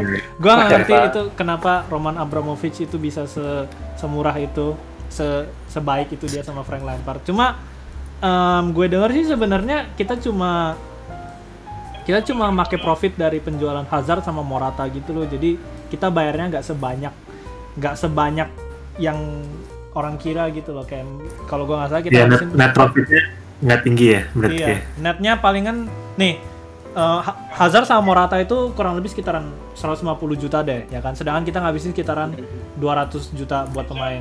Em, 220 kalau gua nggak salah. Jadi kita jadi sebenarnya kita spend 70 juta 70 juta euro gitu. Hmm. ya itu banyak cuma mengingat berapa banyak pemain yang kita dapat itu sebenarnya nggak sebanyak itu sih. So em, mulai dari aduh siapa siapa yang banyak banget soalnya nih gua selalu kepikiran soal Kai Havertz sih Kai Havertz itu nah Em, dia sebenarnya bagus. Mungkin yang gua masalah dari dia harganya agak sedikit terlalu mahal. Cuma eh, anggaplah dia investasi gitu ya kan. Jadi kayak karena dia masih muda investasi. Jadi biar dia bisa dia nih dia berarti kalau misalnya dia orang kalau misalnya Lampard berani bayar semahal itu berarti em, ekspektasinya adalah dia bakal stay di klub ini untuk waktu yang lama gitu loh. Dan to be dia nggak jelek-jelek amat sih so far. Em, mungkin dia tuh cuma mungkin dia tuh sebagai attacking midfielder eh, bagus buat gantiin Mount ya kan? Karena Mount itu kan dia kan masih muda dan menurut gua dia kadang-kadang suka inkonsisten gitu. Jadi makanya ada Havertz. Havertz juga kadang-kadang mungkin performanya bukan yang game changer tapi menurut gua dia lumayan solid for his position gitu loh. Eh, sebagai nomor 10 ya kalau gua nggak salah ya sebagai nomor 10 terus Kai Havertz pretty good Em, Timo Werner itu menurut gua bagus banget. Karena dia karena dia second leading goal scorer di Bundesliga di bawah di belakangnya Lewandowski tapi siapa yang bisa nyaingin Lewandowski sih. Jadi kayak um, menurut gue dia udah bagus banget. Dia definitely improvement dari Tammy Abraham karena Tammy Abraham kayak Mason Mount dia masih muda dan kadang-kadang suka inkonsisten dan kadang-kadang suka keder di depan gawang gitu. Satu hal yang gue suka dari Timo Werner itu dia sebenarnya lari kenceng banget. Kayak kalau di FIFA itu pace-nya itu di atas 90 91 kalau gue nggak salah. Jadi that pace itu menurut gue bakal ngebantu banget sih eh, Chelsea buat ke depannya gitu. Dan obviously top scorer Bundesliga yang kedua I mean um, need, I, need I say more gitu loh. I, I think dan buat harga 40 juta sekitaran 40 juta gitu I think it's a good deal gitu. Nah, terus ada Hakim Ziyech. Hakim Ziyech ini taruhlah di sayap apa kayak uh, left left winger gitu kali ya buat ngelapisin buat ngelapisin Pulisic gitu karena karena oh nggak buat barengan sama Pulisic karena Willian sama Pedro kan udah keluar. Jadi obviously kita bakal butuh winger kan. Dan kalau Hudson Odoi dia kan masih muda. Maksudnya dia belum banyak pengalaman lah. Jadi jadi Hakim Ziyech menurut gue juga bagus. Em, dibilang sih yang paling bagus dari dia, aspek yang paling bagus dari dia tuh shooting dia sama crossingnya dia, ya kan. I think it's gonna be very helpful in the future. Hakim Ziyech good good deal juga. Terus siapa lagi? Di belakang ada Ben Chilwell. eh, Pedro ke mana dah Pedro ke Roma, setahu gua. oh Pedro ke Roma, Willian ke ya well tidak usah dibahas. Arsenal. No, tidak usah dibahas sama Willian ke mana. Kalau ketemu tuh it's gonna kaget sih gue itu it's gonna be bad. Kaget, Enggak, kaget. tapi gua nggak terlalu sakit hati sih karena kan sama kayak Peter Cech ya, kayak um, dia kontribusinya ke klub ini udah gede, udah banyak banget. Jadi meskipun dia ke klub rival ya sudahlah nggak apa lah. Kayak kayak David Luiz gitu loh. udah mungkin siapa tahu jadi agent gitu juga. Mirip Bisa. banget ya Arsenal Chelsea itu transfer Iya. transfer ya. Iya. cek Giroud juga Giroud Giroud, Giroud, iya. Ashley Cole tahu dulu, dulu kan Ashley Cole kan dari Arsenal Fabregas. juga. Fabregas, Iya, ya, Fabregas kan nggak langsung, Dri. Fabregas kan dari Barcelona iya dulu. tapi kayak Iya sih. benci gitu Arsenal fansnya gara-gara iya. Chelsea aja iya, iya sih. Iya ya kalau dipikir ya. Oh, tapi gua nggak tahu ya. Gua nggak tahu fans Chelsea di luar sana, tapi gua nggak terlalu sakit hati karena Willian itu di klub kita tuh udah berbuat kontribusi udah banyak dan apa ya kayak em, trofi yang dimenangin sama kita tuh juga udah banyak gitu loh. Jadi kayak ya sudahlah, maksudnya kayak dia sudah waktunya juga sudah habis gitu maksudnya mau gimana lagi gitu loh. Um, at least kita punya penggantinya at least itu sih ya kan. Di belakang oh ya di belakang ada Ben Chilwell um, Chilwell menurut gue juga deal. Mungkin sama kayak Havertz dia agak kemahalan menurut gue 50 juta. Tapi itu sih gara tapi gue dengar itu sih gara-gara dia di Inggris ya kan. Jadi kalau apa ya kalau misalnya beli pemain kalau di Liga Inggris klub Liga Inggris beli dari klub Liga Inggris yang lain itu harganya wajar kalau agak lebih mahal gitu loh. Ya gimana ya? Karena lu bener-bener beli dari rival lu gitu loh. Apa kayak opo kayak pesaing lu untuk mendapatkan gelar gitu. Jadi obviously bakal lebih mahal. Itu wajar sih. Jadi dan sejauh ini dia udah bagus. Mungkin dari segi defensif dia uh, B aja. Tapi dari segi ofensif dia definitely improvement dari Marcus Alonso. Karena Marcus Alonso itu dia um, pas dia udah masuk sistemnya Lampard itu suka mainnya suka uh, ogah-ogahan gitu ya. Dia suka dia suka malas nge-track back gitu. Ben Chilwell kayaknya nggak kayak gitu sih. Dia lebih rajin sih. So I guess lebih bagus lah Ben Chilwell. Definitely improvement that's a good signing too. Di terus ada di back itu sebenarnya ada dua. Bukan cuma Thiago Silva tapi ada yang namanya Malangsar tapi dia lagi di loan. Jadi gue nggak bisa jadi gue nggak tahu sih dia bagus atau enggak gitu. Dia lagi di loan sih sekarang. Gue nggak aduh gue nggak tahu lagi ke mana. But uh, Thiago Silva tuh ya well itu bagus banget sih. Bukan cuma dari segi skillsnya dia tapi karena dia tuh kan back yang sangat berpengalaman ya meskipun orang bilang kayak PSG itu Farmers League tapi even then PSG itu salah satu tim klub eh tim klub di eh tim top di Eropa gitu loh. Jadi um, bukan cuma skills dia tapi pengalaman dia dan apa yang dia bisa ajarin ke back-back di Chelsea. Terutama karena back-back di Chelsea itu kan masih muda-muda banget ya. Kayak back central backnya itu kan semuanya kan masih uh, produk akademi lah bisa dibilang kayak Kurzuma, Fikayo Tomori, um, sama Andres Christensen, sama Antonio Rudiger gua nggak tahu sih dia masih di bagiannya Frank Lampard atau enggak karena akhir-akhirnya dia suka nggak masuk squad. Tapi maksudnya Thiago Silva dari segi itu menurut gua ngebantu banget. Dan dia free. Jadi kayak itu itu oh. that's a steal you know. Itu itu bener-bener sebuah bargain gitu loh. Kayak untung banget kita dapat Thiago Silva. Terus di kiper ada Edward Mendy. Uh, Mendy itu kita belum tahu bagus atau enggak ke depannya cuma buat sekarang um, tiga tiga kali dia main dua kali dia dapat clean sheet gitu loh. Dan yang pasti kebobolan itu cuma kebobolan satu itu pas lawan Spurs ya deh jadi kayak um, yeah. jadi kayak menurut gue so far so good gitu. Cuma eh, at this point kayak kita dapat kiper ya. Pokoknya selama dia itu dia lebih tinggi dari seorang Kepa menurut gue itu kiper udah bagus gitu loh. Karena ah, sudah sudah intinya Edward Mendy is a good signing menurut gue gitu. Dan dia juga nggak terlalu mahal so ya. yeah, I mean bagus lah um, transfer window-nya bagus cuma um, sejauh ini Chelsea lagi agak masih agak inkonsisten menurut gue karena uh, kalau udah kayak gitu meskipun pemain lu bener-bener pemain top semua tapi kalau strategi lu taktik lu lemah ya nggak ada gunanya gitu. Jadi so far sekarang ini kita ngelihatnya ke Lampard gitu loh. Karena kalau misalnya sumpah itu pemain-pemainnya udah bagus-bagus semua. Kalau misalnya kita nggak dapet target kita. Misalnya kita nggak dapet top 4 itu udah bener-bener masuknya ke Lampard sih. Itu sih menurut gua. But kalau dari segi uh, produktif enggaknya kita di uh, transfer window menurut gue ini transfer window bagus banget. It's very good. Top notch gitu loh. So ya itu sih dari gue um, mungkin kita mau tanya-tanya soal transfer klub yang lain kayak misalnya misalnya gue mau nanya ada nih. Um, Dek, Bell itu pas kemarin dia main itu um, dia masuk dia sub abis itu ya bencana terjadi lah setelah dia masuk itu jadinya tiga tiga gitu tuh ya. jadi kayak um, orang tuh suka nge-hype sebelum Bell masuk ya, sebelum Bell fit tuh orang tuh suka nge woi gila, Harry Kane sama Hong Min Son, wih gila bagus banget. Apalagi kalau ditambah Bell, uh gila itu serem banget tuh. Nah, tapi Bell masuk kemarin itu agak sedikit bencana gitu ya bisa dibilang. Jadi menurut lu um, apakah dia bisa menambah um, efektivitas dari Harry Kane sama Heung Min Son gitu loh? seorang Bell atau apakah mereka berdua aja udah cukup gitu? Oke, okay, jadi uh, ngomongin tentang game West Ham Tottenham 3-3 yang kemarin itu, yeah. Iya. uh, gue ngerasa sebenarnya salahnya tuh bukan di bag, bukan di Bellnya sih. Ya mungkin Bell ada salah soalnya dia ada satu kesempatan yeah, yeah. di mana dia boleh dibilang dia mungkin uh, half a chance ya. Mungkin mungkin dia kalau misalkan ada kesempatan itu 10 kali, 8 kali ngegolin lah kalau menurut gue itu. untuk kesempatan kayak gitu. Dan dia tapi dia nggak ngegolin gitu. Menurut gue ya itu ada satu kesempatan dia miss. Cuman uh, gue nggak ngerasa dia uh, sebegitu buruknya di akhir-akhir gitu loh. Jadi kayak ini bukan bukan dia tuh faktor kita jadi tiga tiga menurut gue itu adalah gara-gara uh, seperti itu sih ini sebenarnya nggak ngomong ke Bell jadinya mungkin ini lebih ke kenapa bisa tiga tiga waktu itu nggak apa kan cuman gue ke, ke arah topik itu Gak apa gak apa, santai santai santai. Oke. Nah, jadi eh, kalau misalkan kemarin tuh gue ngerasa tuh begitu si Son di sub off sama Maura, mereka tuh jadi lebih berani nyerang. Jadi jadi gara-gara attack attacking player kita yang paling berbahaya itu di sub off, mereka jadi lebih berani nyerang. Karena mereka berani karena mereka nggak perlu mikir lagi soal defense-nya gitu. Kayak ya seenggaknya mereka bisa lebih aman gitu di defense. Jadi si Son di sub, terus mereka lebih nyerang. Terus juga pemain di tengah ada namanya Ndombele, itu juga Aduh. di sub Tanggi, Iya. tanggi. itu di sub dan akhirnya kita jadi lebih serang.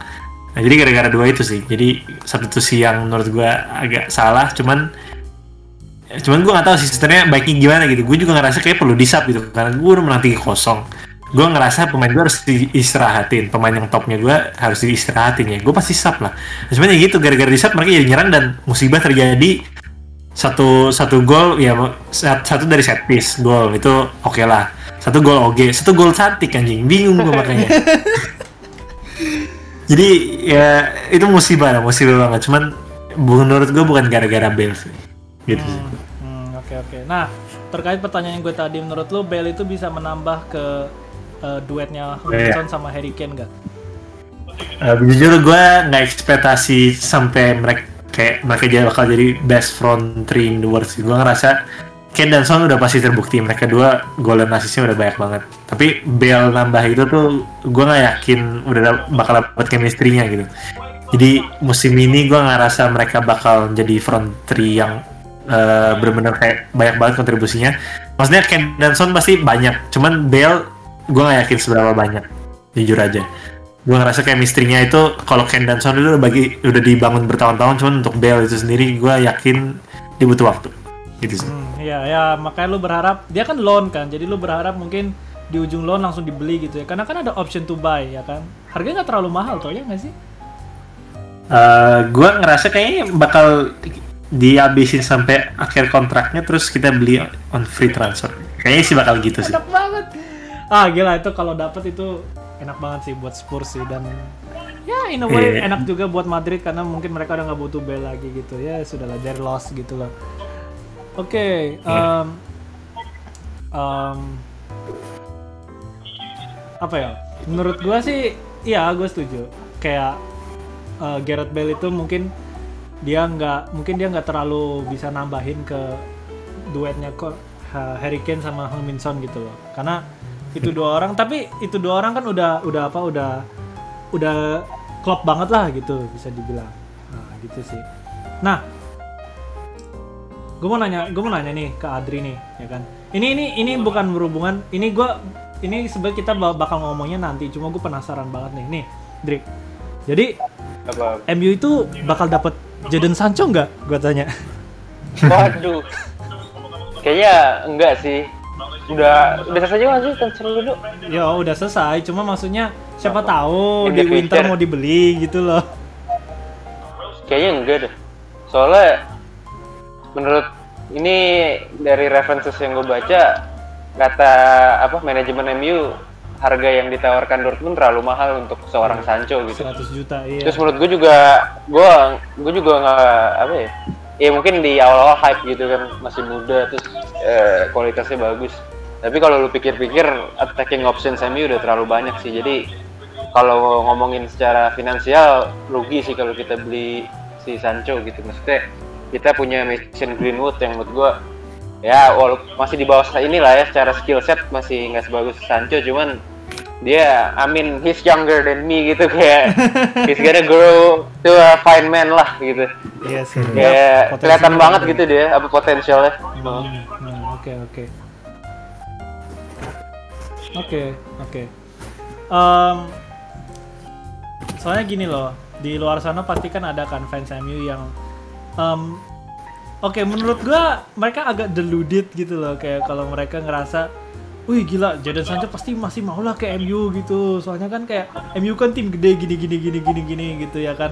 Menurut lo apa sih pendapat lo soal fans MU di luar sana yang ngerasa kalau mereka masih kalau kalau MU masih bisa beli Jadon Sancho gitu loh. Kayak gue ngerasa mereka deluded sih. Kayak delusional gitu loh menurut, Ya, menurut lo gimana? Menurut gue apa ya? Gue sebagai fans MU ngerasa kayak kita apa ya kurang aja gitu. Kayak kita have a good team, good money tapi kayak nggak nggak pernah di spend well gitu kayak.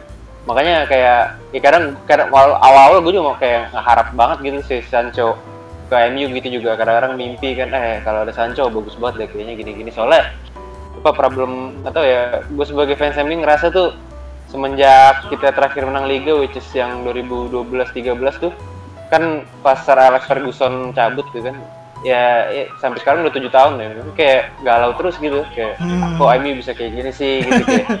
Iya. kapan sih kita bisa ke jaya-jaya zaman apa Sir Alex Ferguson gitu. Maksudnya itu sih yang gue rasain. Makanya gue ya udahlah mereka mungkin mereka terlalu over gitu ya apa ngedreamnya kayak to the point. Sampai inilah ngeharap banget Sancho pengen itu. Cuman kayak gue at some point juga ngerasa apa yang mereka rasain sih. Kayak emang galau aja sih jadi fans MU di zaman zaman sekarang Ya, ya. Oke. Nih, nih, nih. em, lu pada ada pertanyaan nggak soal soal apa soal transfer window-nya Chelsea? Lu deh. Lu lu ada yang lu ada yang lu penasaran nggak? Apa at least penasaran pendapat gua? Hmm. Untuk Chelsea ya? Iya. Untuk Chelsea sih belum kepikiran sih gue. Gue jujur sebenarnya kalau misalkan transfer window untuk tim lain gue kayak sekedar tahu aja cukup gitu. Gue nggak bakal sampai nilai oh ya mungkin gini sih. Kan Chelsea kan lebih banyak banget nih pemain dan yang pemain yang mereka beli tuh kalau gue lihat rata-rata untuk first team gitu. Lu ngerasa untuk masalah chemistry gimana?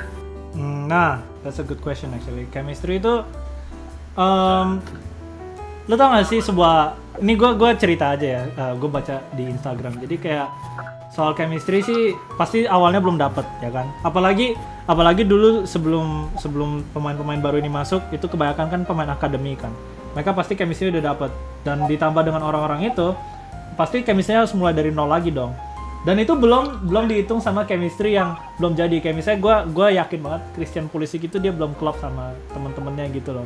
Mungkin karena dia orang Amerika kah atau mungkin karena dia anak baru kah atau apa gue nggak ngerti. Cuma kayak em, menurut gue chemistry can only improve. Dan so far gue bisa lihat kayak ada chemistry kecil gitu yang em, udah udah ada udah kelihatan gitu loh. Cuma kalau overall timnya sih belum jadi sih sekarang gitu.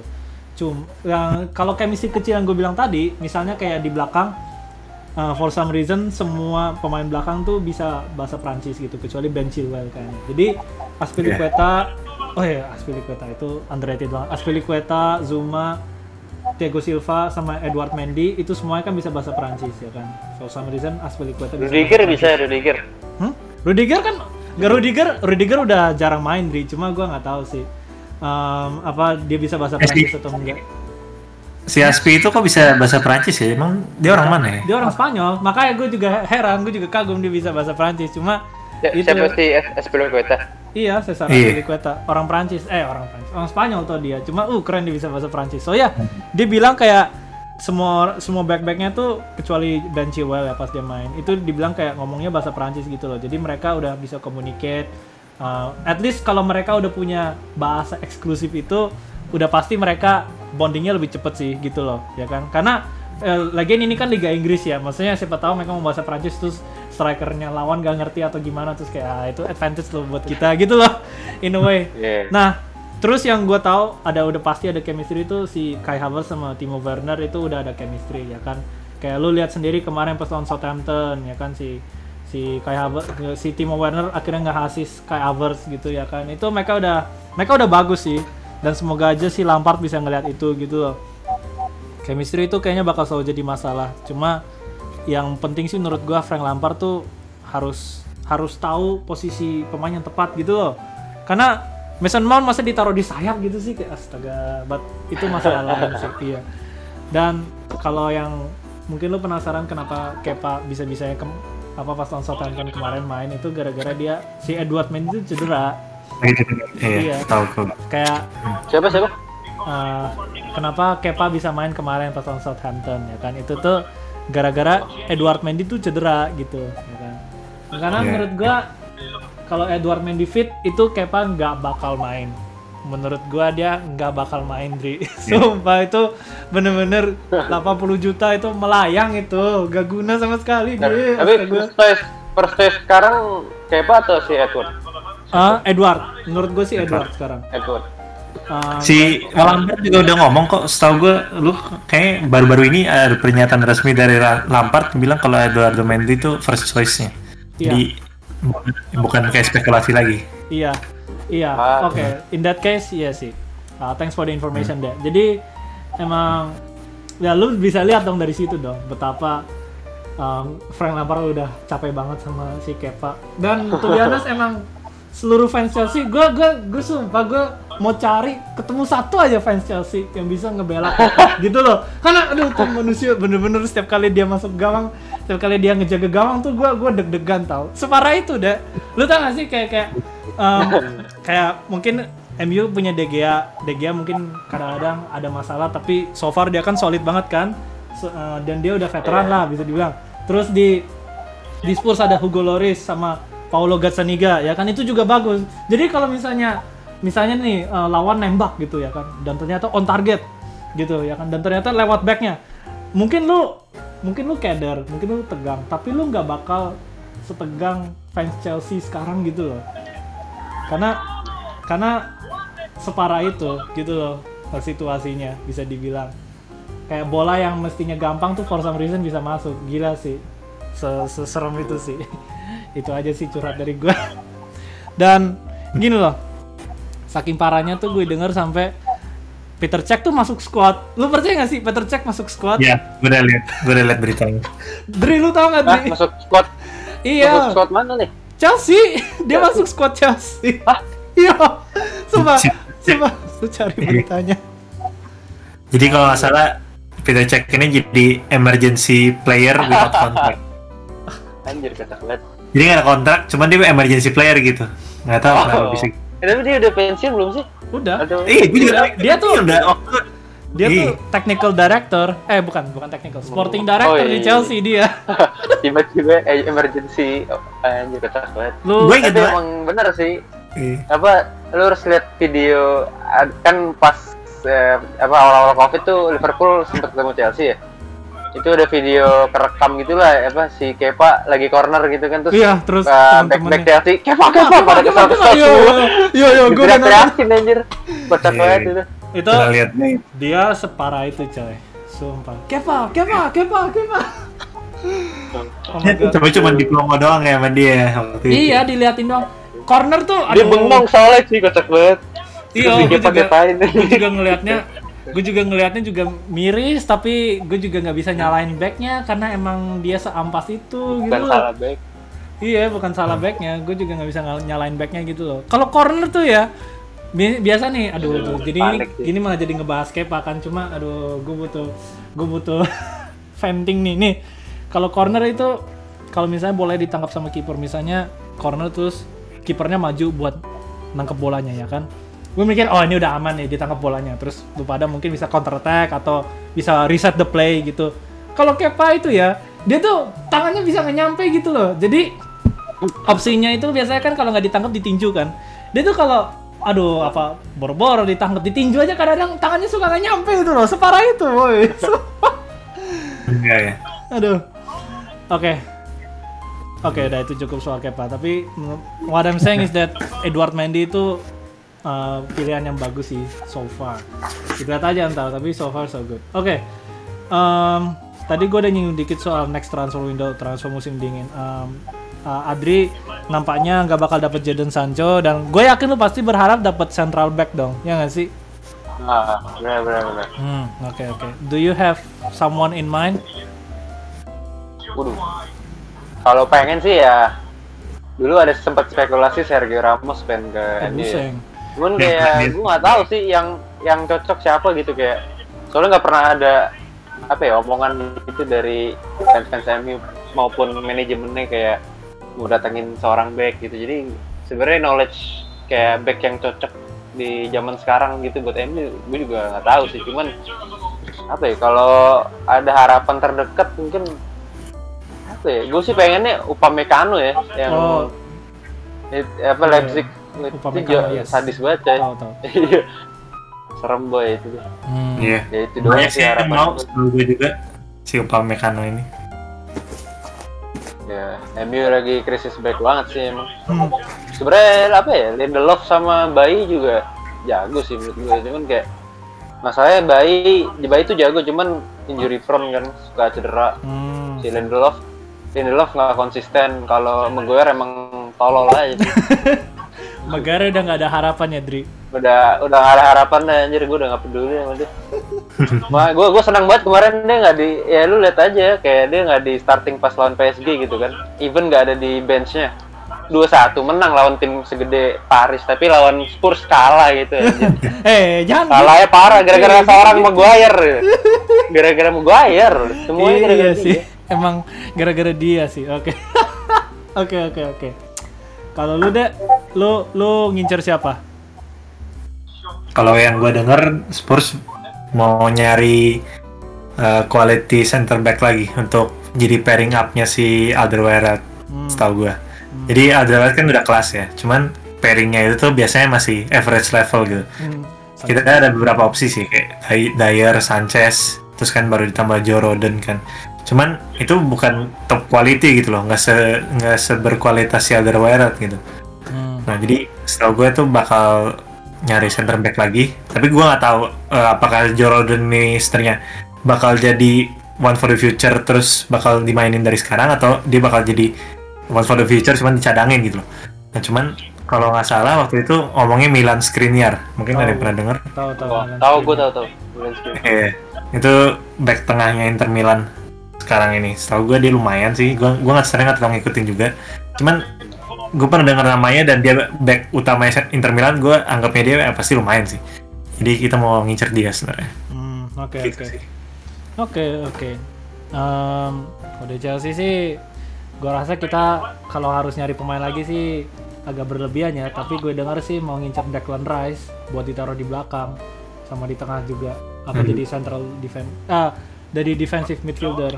Tapi udah dia doang sih. Dan to be honest, gue nggak ngerasa kita harus cari pemain lagi karena squadnya udah jadi, tinggal taktiknya aja.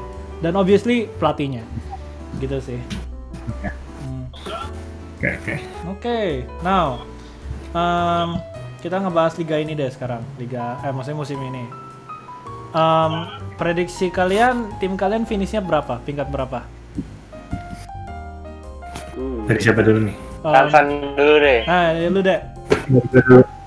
Gue nggak mau. Gue kalau ngeliat fans-fans Spurs di Instagram mereka kadang suka agak berlebihan dan ekspektasi terlalu tinggi yang bak dan gue udah ngeliat beberapa kali bilang kita bakal menang liga cuman gue rasa sih kayaknya bukan itu deh tujuan utama Mourinho. Menurut gue Mourinho bukan mau nyari juara liga cuman juara di somewhere else. Misalkan Europa League atau mungkin FA Cup atau Carabao Cup gitu. Nah menurut gue sengaja top 4 sih. Kalau bisa mah biar dapet Champions League aja sih sebenarnya. Hmm. jadi mungkin sekitar top 4 ya antara ya antara peringkat 3 atau peringkat 4 lah ekspektasi gue musim ini. Hmm, oke oke. Kalau lu deh, eh kalau lu deh, sorry. Kalau lu Dri, Woi, gue ada lu. Eh, lah terus Samson jadi apa dong? Super Anyways, deh. Gue berapa ya? MU ya gue berharap top 4 sih. Kayaknya tiga, tiga lah tiga menurut gue bisa. Ya lah kita semua ngincer top 4 kita kita loh iya. tiga kita semua ngincer top 4. pasti pengennya top 4 ujungnya pasti top 4 enggak tapi lah. tapi it does say something though kayak meskipun kita kita punya ekspektasi tinggi tapi kita nggak berani ngincer langsung juara satu gitu loh. Apa maksudnya juara Premier League gitu loh. For some reason kenapa ya? Kayak kita tahu kita pasti Ya, dapat top karena- 4 tapi juara liga itu kayak ah nah nah, nah, terlalu berlebihan gitu loh. Iya terlalu berat sih. Soalnya kita tahu kapabilitas klub kita kayak apa dan kita ikutin dari kecil jadi kayak Iya. kita tahu lah prediksinya gitu dan Hmm. untuk juara sekarang ketiga klub kita kayak masih belum. Iya, gitu. kayak masih belum. Kalau Iya. Belum nyampe lah. gara-gara dua faktor sih mungkin ya. Jadi pertama yang benar dibilang eh, Andri ini kapabilitas klub kita masih sepertinya belum mampu gitu. Dan kedua, gara-gara musim-musim lalu tuh yang menang Premier League tuh gila-gilaan banget, bener-bener gila banget anjir. aneh Liverpool Premier musim lalu dia dia menang tuh bener-bener berapa kali ya winnya? Gue nggak tahu deh. Pokoknya banyak banget lah. Terus dua musim lalu Manchester City berapa? 99 poin. Makanya. tiga musim lalu Manchester City 100 poin anjir. Jadi menang di Premier League tuh butuh segitunya gitu kalau kalau gue lihat. Iya, Nah, harus jadi- segila itu sih. Iya, jadi ekspektasi untuk menang Premier League tuh lu harus gila banget mus- eh, musim itu. Dan ketiga klub ini MU. Chelsea Belum nyampe, belum nyampe. sama Spurs kayaknya nggak segitu deh. Jadi gue ngerasa sih kayak kalau menang Premier League kecuali musim ini nggak tahu ya mungkin beda dengan yang lain. Gue rasa sih kayaknya enggak sih nggak menang. Hmm, Oke oke. Ya gue juga gue juga nggak ngincer juara sih. Apa squad jadi tapi taktiknya belum jadi, manajernya belum jadi dan dia suka bikin keputusan aneh-aneh. Jadi nah top 4 top 4 tapi kita semua top 4 tapi kita semua ngincer posisi 3 gitu for some reason. Ya gua gua gua Iya. juga ngincernya posisi 3 sih. Karena 4 itu kayak agak sedikit di bawah gitu loh, tapi nah that's fine. That's fine buat gua. Nih, Em, tadi kan lu kan udah nyinggung dikit deh soal juara di tempat lain gitu ya kan. Em, menurut lu kita ngebahas Eropa deh. Eh, UCL menurut lu bakal sejauh apa? Eh, em, deh, eh, Dri, Dri, Dri. UCL menurut lu bakal sejauh, Ah. sejauh apa MU? MU. Hmm. Eh, menurut gua lolos sih kita grup stage. Maksudnya terbukti lah kita ngena- ngelain. Kayaknya apa ya semenjak kalah sama Spurs tuh jadi booster. Uh, eh, apa uh, untuk di oleh Gunnar Solskjaer untuk improve lah maksudnya. Terus adisional kita juga dapat player yang benar-benar top class seperti Cavani gitu which is menurut gue itu eh, plus point juga sih karena dia bisa eh, leadership bisa ngasih inilah eh, apa experience ke tim MU gitu kan hmm. terus eh, menurut gue dia pasti akan banyak bantu dari sisi gol juga jadi mungkin rasio menangnya pasti lebih banyak sih kayaknya dibanding musim lalu Eh, cuman kalau ngomongin Champions League eh, kayaknya gue paling optimis banget tuh quarter final sampai sih MU Hmm. Woi, jauh jauh juga ya quarter final. Berarti top 8 dong, ya nggak sih? Eh, top iya top 8 Iya. Ya, oke oke. Kalau lu udah Europa League, nah, Spurs masuk Europa League kan? Eh, masuk kan? Iya. Oke oke. Iya, Itu Masuk, menurut lu bisa all the way to the end nggak? Ya menurut gue itu inceran Mourinho sih. Gue kalau nggak salah di dokumenternya Spurs itu yang prime ama- prime Amazon itu. Hmm? Mourinho ada sempat singgung if you want to win the Europa League you have to win this game. Dia itu lagi kayak ngomong sebelum pre-match gitu. Dia bilang tuh dia harus menang ini supaya secure spot untuk Europa League, supaya dia menang untuk Europa League. Jadi, ngerti nggak maksud gue? Iya itu Jadi- rencana dia ya, master plan dia ya. Iya, maksudnya oh Iya, iya. Ya, jadi kalau nggak salah itu lagi game lawan siapa gitu, pokoknya di akhir musim itu kita belum pasti dapat Europa League spot. Ya dia ngomong kalau mau menang Europa League, lu menangin game ini gitu. Terus akhirnya kita menang, terus akhirnya kita dapat spot Europa League dan ya kalau dengar dari perkataan dia, kayaknya rencana dia dia bakal menang Europa League. Jadi ya gue coba sebenarnya optimis aja sih, kayaknya harusnya sih bisa sih. Dia udah pernah ngelakuin itu sama MU kan, dan gue ngerasa kayaknya bisa sih dia ngelakuin itu sama Spurs. Dan menurut gue sih kalau dia udah nyampe final udah aman sih. Dia kan pernah bilang dia kan nggak pernah kalah di final. Jadi um, targetnya sih udah nyampe final aja. Kalau udah nyampe final itu udah home stretch sih kayak it, that, that one's in the bag gitu loh. Kalau dia udah nyampe final gitu sih. Iya, Hmm. semoga aja sih. Semoga aja. Oke, ngebahas soal Chelsea sih, um, gua ini grupnya gampang. Cuma kadang-kadang tim Chelsea itu suka aneh-aneh gitu. Um, inconsistent itu bener-bener sebuah kata yang sangat cocok untuk ngedeskripsiin Chelsea sekarang gitu. Dan kita kita punya kualitasnya gitu. Cuma um, dari segi taktik gitu dan dari segi performa kadang-kadang suka aneh-aneh. Gue sih optimis bisa tembus 16 tembus 16 besar. Cuma tergantung kita draw lawan siapa. Kalau misalnya kita nggak hoki dan lawan Bayern lagi, ya ya udahlah. Itu udah, itu udah lepas aja lah itu. Kalau kalau kita ketemu aduh em, kalau kita ketemu tim yang bener-bener imba banget kayak Bayern atau Juventus gitu, nggak tahu sih, atau Barcelona gitu, ya kita kita terima aja lah, terima nasib aja lah gitu loh. Jadi kayak kalau kita udah masuk 16 besar that's good. Kalau kita lebih dari itu udah that's uh, apa kayak icing on the cake gitu. loh. Gitu. Nah, em, masuk ke topik lain. Em, kita ngebahas tim lain nih. Maksudnya kita dukung tim kita dan kita pasti ngikutinnya tim kita. Cuma kita ngebahas, kita pasti juga ngeliat tim lain dong karena secara cepat atau lambat mereka bakal jadi lawan kita gitu. Jadi in a way kita harus tahu tentang mereka juga. Obviously, gue bakal ngebahas soal Everton. Menurut lu berdua gimana tuh tim? Itu serem loh menurut gue. serem sih sebenarnya menurut gue mereka ini sih have a good squad sih.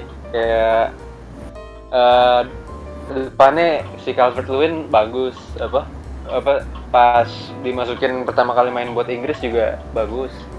Kayak walaupun menurut gue musim lalu dia kayak nggak kelihatan banget gitu Iya, kan. cuman mungkin musim ya kayaknya mungkin bisa ya musim ini dia benar-benar improve lah. Jadi ya, ibaratnya one wonder man gitu kali ya. Terus dari segi di- apa gue nggak tahu defense-nya cuman apa midfieldnya strong banget sih apa Hames jago kan Hmm, terus ada siapa lagi sih mereka Eh, gue gue lupa lupa dah Lukas Lukas. Din Lukas Din itu dia posisi oh mana ya? ini ini left back left back. back Oh, Itu left back. oke oke. pokoknya ada lagi satu di apa midfieldnya yang jago juga Dia midfieldnya ini Rodriguez. Alan sama Decore kalau nggak salah. oh ya Dekure jago Gure, iya. Ya, Dekure sama Gebamin ya tau nggak? Gebam apa? Itu kayak Oh Andre Gomez. buat bukan gua eh bukan Andre Gomez Gebamin orang uh, Ivory Coast. Kayak itulah maksudnya kayak Dekure sama si Gebamin sama di di apa? Nomor 10 nya si Hamis tuh menurut gua strong banget sih midfield mereka sih. Kayak Hmm. Uh, susah ditembus tapi attacking juga counter attack-nya fast sih Hmm, serem banget sih itu. oh iya terus gue lupa ih, itu cuy kanannya Walcott anjir which is dia, dia jago juga kan Eh, Walcott udah pindah tau gue. Walcott ke Eh, udah Southampton. pindah ya? Iya. Oh, aku gue nggak tahu lah kanan kiri siapa cuman menurut gue si Everton tapi menurut gue ya ini kali ya emang lagi bagus aja mungkin ketemunya eh, baru Liverpool doang yang jago kan itu pun gitu ketemunya. Spurs Oh, juga. Spurs udah ya? Iya, kalah Yang Spurs juga satu kosong. Oh, Hmm. ya mungkin di awal biasa kan ada apa unexpected team kayak yang jago gitu di awal musim nanti apa turun kita Iya. lihat aja sih Ya tergantung sih taktiknya kebacanya kapan gitu loh. Kayak Kalau Nah, sorry gue motong ya tadi. Kalau gue mau ngasih pendapat gue tentang Everton musim ini. ya Oke. eh, Kalau menurut gue, gue sebenarnya uh, ke statement yang dia cuma jago di awal sih. Gue ngerasa kayak Everton bakal kayak gitu. Kenapa? Soalnya oh, awal-awal ini bagus. Dia kalau full tim bagus. Tapi bayangkan kalau misalkan James cedera. Iya, gue juga penasaran. Hames gak ada Hames gimana ya? Gimana gimana dia bisa gimana cara Everton nah, cari penggantinya gitu. Dia kalau misalkan pakai uh, squad yang lama, Sigurdsson menurut gue dia oke, dia dulu pernah main Spurs dan dia oke, tapi dia average gitu, average level gitu. Dan kalau misalkan Hames cedera dan Hames kan sering kita tahu kalau misalkan Hames tuh sering cedera ya. Itu gimana gitu. Jadi gue ngerasa mungkin awal-awal ini bagus gara-gara Hames belum cedera aja. Cuman squad depth itu menurut gue yang bikin lu menang uh, title kalau menurut gue kita lihat mungkin uh, beberapa musim sebelumnya nih kayak uh, Liverpool dan City squad depthnya bagus banget kan Iya, Nah, dan ini- loh tetap bagus dia. iya iya kayak kalau nggak starter yang main ya, yang keduanya juga bisa kontribusinya bagus gitu nah jadi gue ngerasa yang bi- salah satu faktor yang bikin lu menang adalah kalau squad depth lu bagus dan Everton menurut gue gue nggak tahu squad depth bagus atau enggak cuman gue ngerasa kayak bagus jadi gue ngerasa kalau misalkan ada pemain inti yang cedera ya mereka bakal kesusahan gitu jadi gue ngerasa ya sejauh ini bagus gara-gara masih belum ada yang cedera aja Oh. Ntar later on Duh, lu ngomongin on soal lu ngomongin soal pemain inti ya. Gue langsung keinget diri Richarlison. Richarlison. nih Oh, iya, iya. Tapi tapi kena kartu Ya, merah sih. Well, well deserved tuh dia kena kartu merah. Dan Pickford itu kemarin hoki loh dia nggak dapat kartu merah kalau lu pada nonton apa dia lawan apa Everton iya lawan harusnya dapet sih itu Iya. Gila loh Van Dijk. Eh, kesian loh si Van Dijk dia Aduh, berapa bulan tuh ya. ACL-nya tujuh sobek. bulan katanya Oh my god, parah tuh buat Liverpool tuh.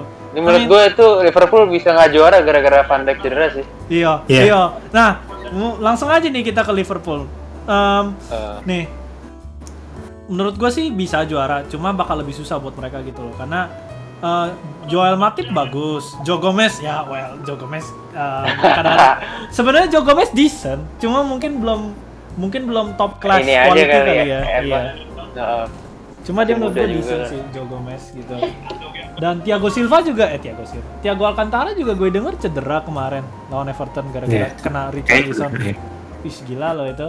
Bisa sih menurut gue masih Tapi bisa. menurut gua Liverpool tuh mungkin backnya crucial sih. Cuman kalau kayak eh, depan atau tengah cedera ya masih backingannya juga bagus-bagus banget gitu. Wah, apa si Keita terus ada siapa lagi sih Henderson juga kan.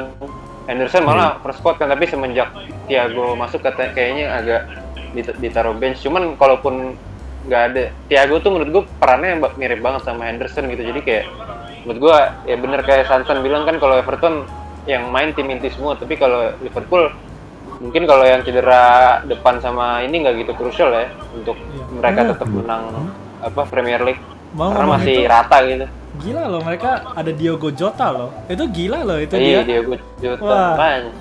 Maksudnya pelapis cuma pelapis gitu banget gitu loh. Jadi ya Liverpool Iya. mungkin agak lebih susah aja sih sedikit. Um, belum lagi Iya. Alisson juga cedera kan. Dan penggantinya juga kayak gitu. I mean penggantinya not bad but not good. Apalagi setelah 72 itu jadi not good kali. Adrian Adrian.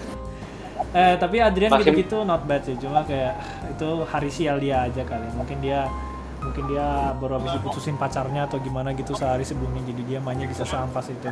But ya bisa sih menurut gue Liverpool bisa. Menurut lo gimana deh?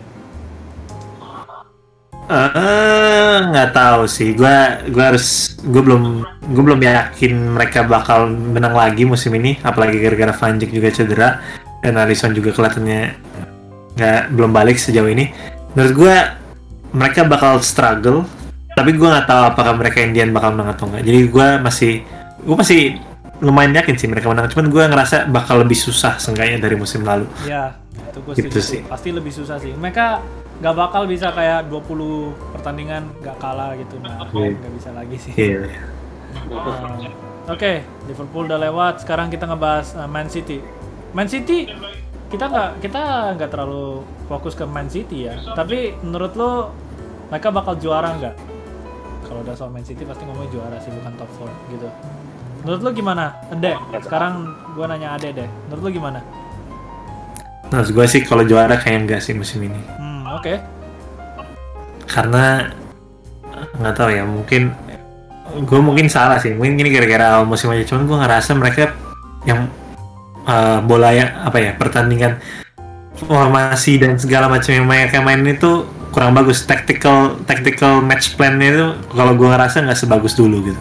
Mereka tuh bukan Man City yang dulu lagi yang kayak apa ya yang wingnya bagus banget terus akhirnya bola true ball masuk itu pasti ada orang yang nyam, nyamperin itu mereka udah nggak gitu lagi kalau gue lihat kenapa kayak gitu soalnya eh Fernandinho tuh dulu jadi bagian inti dari Man City kan dan dia tuh bener-bener yang bisa bikin supaya kalau misalkan City lagi nyerang City kan kalau nyerang banyak banget tuh yang maju ya Iya. dia tuh yang bisa bikin supaya counternya tuh semua eh, tertahan gitu loh.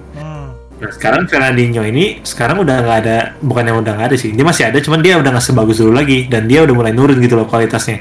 Mungkin gara-gara sekarang umurnya udah tua kan. Nah gara-gara dia udah tua, jadinya Man City ini coba nyari penggantinya gitu. Dan Gua- belum ketemu gua- ya sampai sekarang. Nah sampai sekarang tuh belum ketemu. Terus juga satu lagi ada si company, company itu menurut gua kaptennya mereka sih, kapten yang bener-bener bisa ngelit mereka gitu. Dan sekarang dia nggak tahu penggantinya siapa. Gua nggak ngerasa ada yang kepemimpinannya itu sebagus company gitu. Nah gara-gara dua masalah itu, di mana Fernandinho nggak nggak ada peran seorang Fernandinho itu nggak ada lagi, mereka tuh jadi harus lebih bertahan dan nggak boleh terlalu banyak yang maju. Dan jadinya City tuh nggak bakal jadi kayak attacking team yang mereka dulu lagi gitu. Jadi menurut gue City bakal menurun musim ini. Dan company yang sampai sekarang belum diganti juga bakal jadi masalah di leadershipnya di Man City. Dan ini bisa sebenarnya kelihatan di resultnya mereka. Resultnya mereka waktu lawan Leicester- kalah 5-2. Iya. Itu lumayan loh. Oh, Itu di kandang. itu gede sih menurut gua sebagus-bagusnya Leicester. Kayak lo Iya. you don't just beat City 5-2 gitu loh. Kayak Iya, itu parah sih. Ya itu dan lawan Leeds kemarin gua nggak tahu sih Leeds memang bagus sih, cuman Leeds seri gitu. Di mana yang di gue expect kalau misalkan itu Man City yang dulu-dulu ngelawan Leeds yang sekarang ini pasti menang kalau kata gue. Nah jadi gua ngerasa City nggak bakal kayak juara musim ini. Mungkin dia bakal bersaing buat top 4 tapi kalau juara kata gue kagak. Hmm, oke oke. Kalau menurut lu gimana, Dri?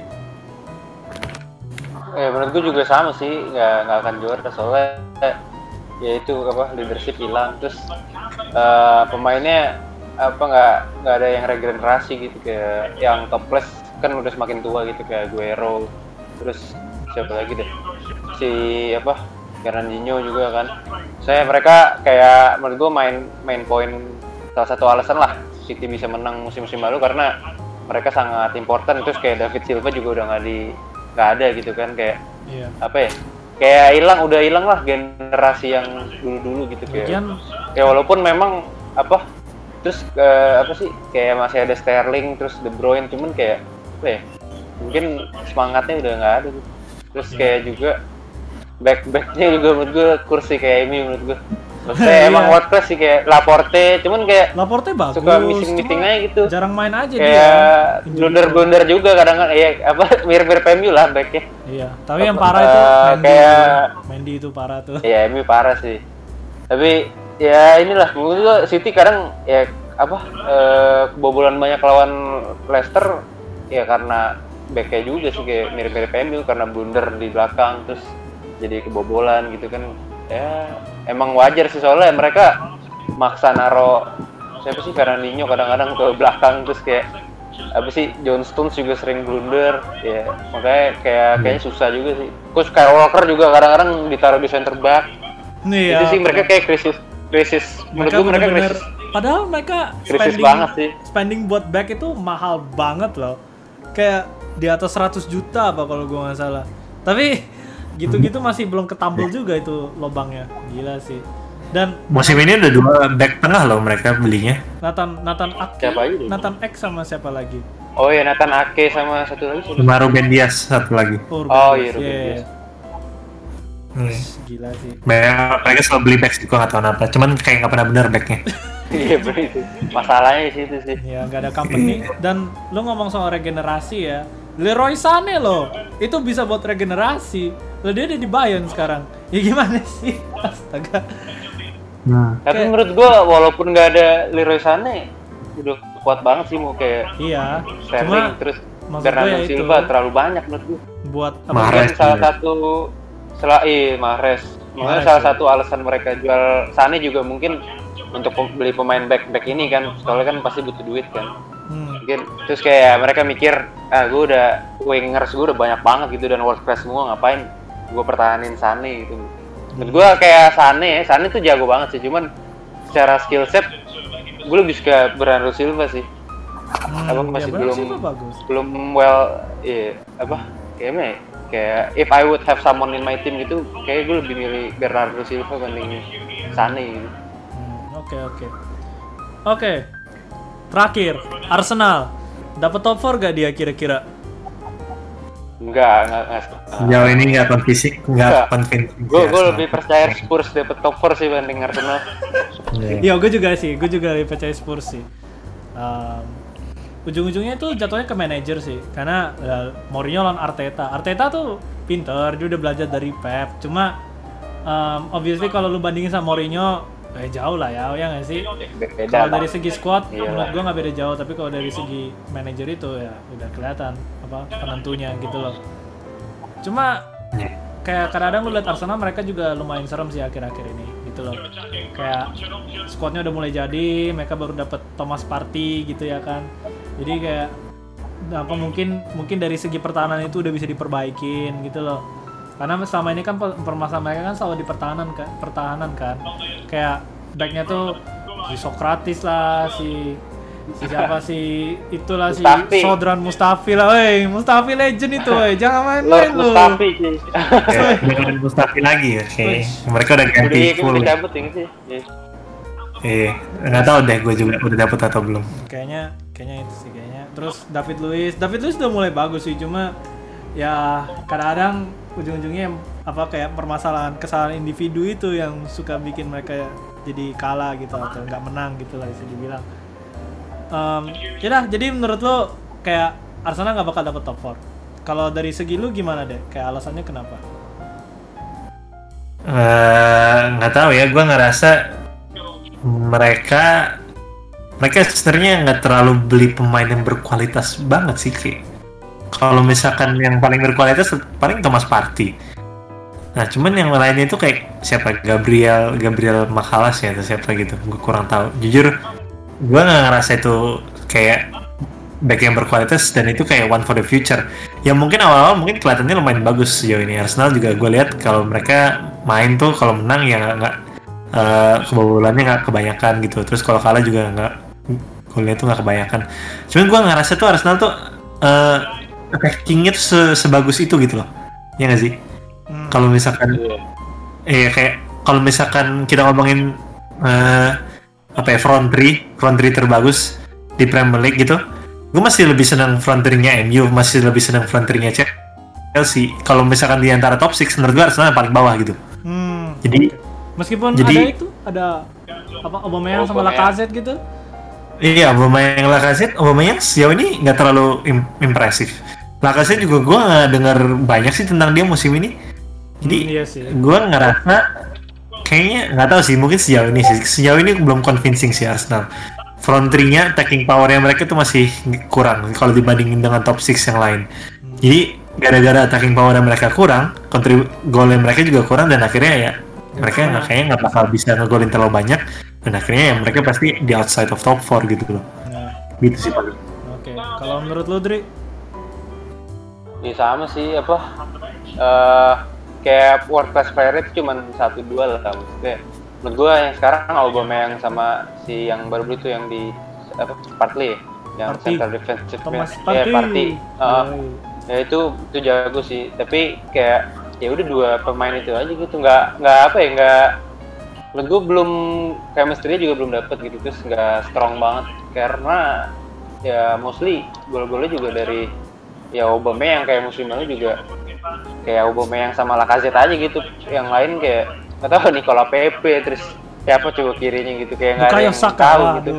Bukayo Saka ya. Apa kayak dia Saka Saka kan defensive mid nggak maksudnya apa kiri ininya uh, kayak left midnya siapa ya gue nggak tahu deh. Pokoknya kayak kurang aja gitu kayak eh front three kurang sih maksudnya kan lu nggak mungkin mainin Lacazette sama Aubameyang barengan gitu. Mereka dua-duanya striker gitu kan maksudnya terus kayak kanan nggak tahu sih gue liat Nicola Pepe kayak lu main bagus musim ini cuman ya kan kita nggak tahu juga ya belum kebaca juga kalau awal musim gitu kan yeah. Iya. uh, tapi kalau gue judge dari musim lalu sih menurut gue juga sih kayak nggak akan top 4 sih hmm, ya oke okay. ya di Europa League dapat sih menurut gue menurut lu pada dapat kan? Iya, dapat lah. Nah, itu dapat lah kalau. Iya, iya. Dan gimana ya, kita bukannya gue nggak suka Arsenal, tapi kalau kadang kalau misalnya mereka mainnya nggak bagus tuh gue seneng gitu karena kita dapat hiburan tambahan. ada ada pasti tahu lah maksud gue. Oh ya, lu suka lihat reaction dari para fansnya itu ya? Iya dari AFTV. Dri lu tau gak Dri AFTV Dri? Wah gila, shout out to AFTV. Kenapa gue gue gak gitu ngikutin? Wah gila, aduh gila. Tapi lu tahu kan AFTV kan Arsenal. Tahu tahu tahu. Wah itu kalau mereka kalah ya, ya hmm? seri sih nggak terlalu sih. Jadi kalau mereka kalah tuh, waduh, bener-bener mereka bisa kalau mereka udah marah-marah soal tim mereka kayak misalnya aduh ini backnya amat banget, aduh ini strikernya nggak ngapa-ngapain, aduh ini terus ujungnya, aduh ini board apa board timnya nih gila nih harus dikeluarin nih harus dipecat nih gitu kayak, guys, maksudnya gimana ya iya. guys, um, EFTV itu sumber dari segala dari semua tim di di Liga Inggris, dari yang di top top yang di atas itu, kayaknya fanbase Arsenal itu yang paling ribut tuh, bukan yang paling ribut, yang paling vokal tuh kayaknya fans Arsenal deh. Maksudnya bisa dilihat dari EFTV itu kayaknya channel fans sepak klub sepak bola paling gede di YouTube gitu loh. Jadi dari sisi lain kalau mereka mainnya nggak bagus, ya gue seneng bukan gara-gara gue nggak suka timnya tapi gara-gara gue bisa dapat konten berkualitas dari situ gitu loh. wah kacau kocak banget sih nih ya yeah, um, tapi... maksudnya kayak lu cek aja pas mereka kalah lawan Chelsea 4-1 gitu loh. 4-1 yang di Europa League itu. Wah reaksinya mantep banget. Sama yang pas mereka kalah lawan Spurs yang 2-1 itu. Itu juga mantep banget sih. Aduh. Intinya tapi emang ini sih mau gue sebagai ya apa pengikut Premier League paling seneng ngatain fans Arsenal sih banding fans-fans lain. Gitu emang mereka tuh paling unik lah. Menurut gua menurut gua fans Liverpool sih yang unik Uh, Arsenal Arsenal mah unik banget. Cuma akhir-akhir ini kan karena Liverpool baru juara jadi fansnya kan pada jumawa gitu ya kan kayak pada Iya pada sih. songong nih ya kan. Jadi kayak kalau mereka kalah tuh bener-bener lebih seru lagi ngatain mereka gitu loh. Gitu. Cuma ya fans Arsenal itu lucu juga sih. Kayak mereka selalu nyari alasan gitu loh kalau mereka kalah. Iya benar. Well, semua fans kayak gitu tapi Arsenal lebih lagi gitu loh Ada aja alasannya deh pokoknya sih. Iya. Nih, ini oh ya ini terakhir deh, ini penutup deh. Em, kalau misalnya harus lu mau kasih sebuah istilah buat klub lu, keadaan klub lu sekarang, eh, itu apa? Gitu loh. Misalnya kalau dari gua Chelsea, gua dengan senang hati akan nyebut kalau klub gua itu adalah glass cannon. Oke? Seriusan, kita tuh bener-bener bisa ngegolin glass cannon, Dri. Lu tahu istilah itu gak glass cannon? Jadi? Kita tuh mungkin attack-nya bagus, tapi defense kita tuh nggak ada gitu loh. Glass cannon tuh istilahnya kayak gitu, Dri. Jadi kayak lu lu Oh. jago nyerang, tapi kalau lu diserang, lu juga nggak bisa apa-apa gitu. Kayak lu Iya. terbuat dari kaca lah bisa dibilang. Kayak lu meriam yang terbuat dari kaca gitu loh. Gitu. Ya Chelsea, gua harus akuin Chelsea tuh glass cannon banget sekarang. Kayak kita bisa ngegolin tapi kita nggak bisa defense itu itu masalah banget sih. Kayak buat apa lu ngegolin kalau lu nggak bisa mempertahankan eh, apa ya that lead gitu loh. Timo Werner aja bilang eh, kalau di Jerman tuh defense itu yang memena- bisa lu dapat title gitu loh. Itu Timo Werner gitu loh pemain Chelsea sekarang. Nah kalau kalau lu deh menurut lu apa yang buat deskripsi Spurs? Sebenarnya gue yakin kita bertiga bakal mempunyai eh, berkat yang sama, yaitu attack kita bagus tapi defense kita buruk. gue setuju banget sih Soalnya, Nanti iya.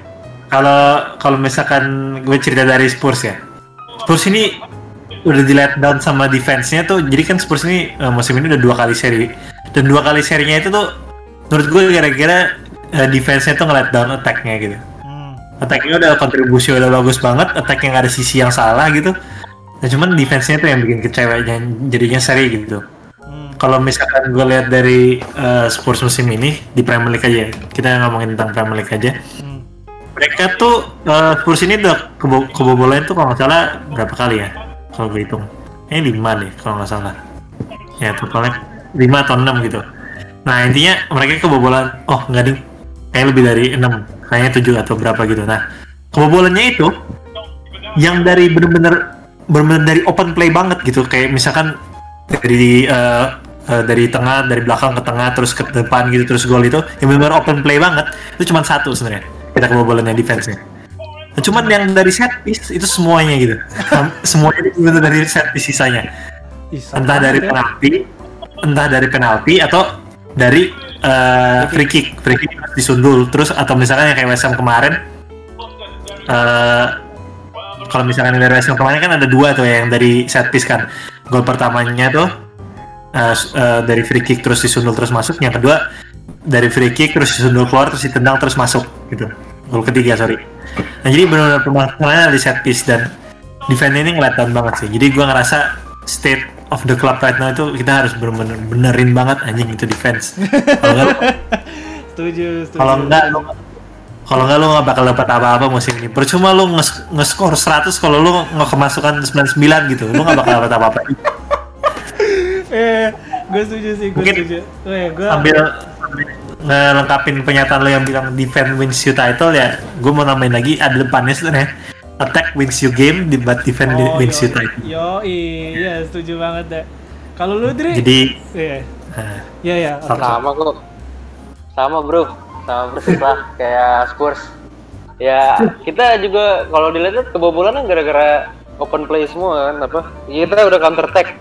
MU itu jeleknya counter attack tapi nggak gol gitu kan. Pas udah nggak gol di counter sama Crystal Palace masuk anjing gara-gara back backnya kagak bener juga gitu.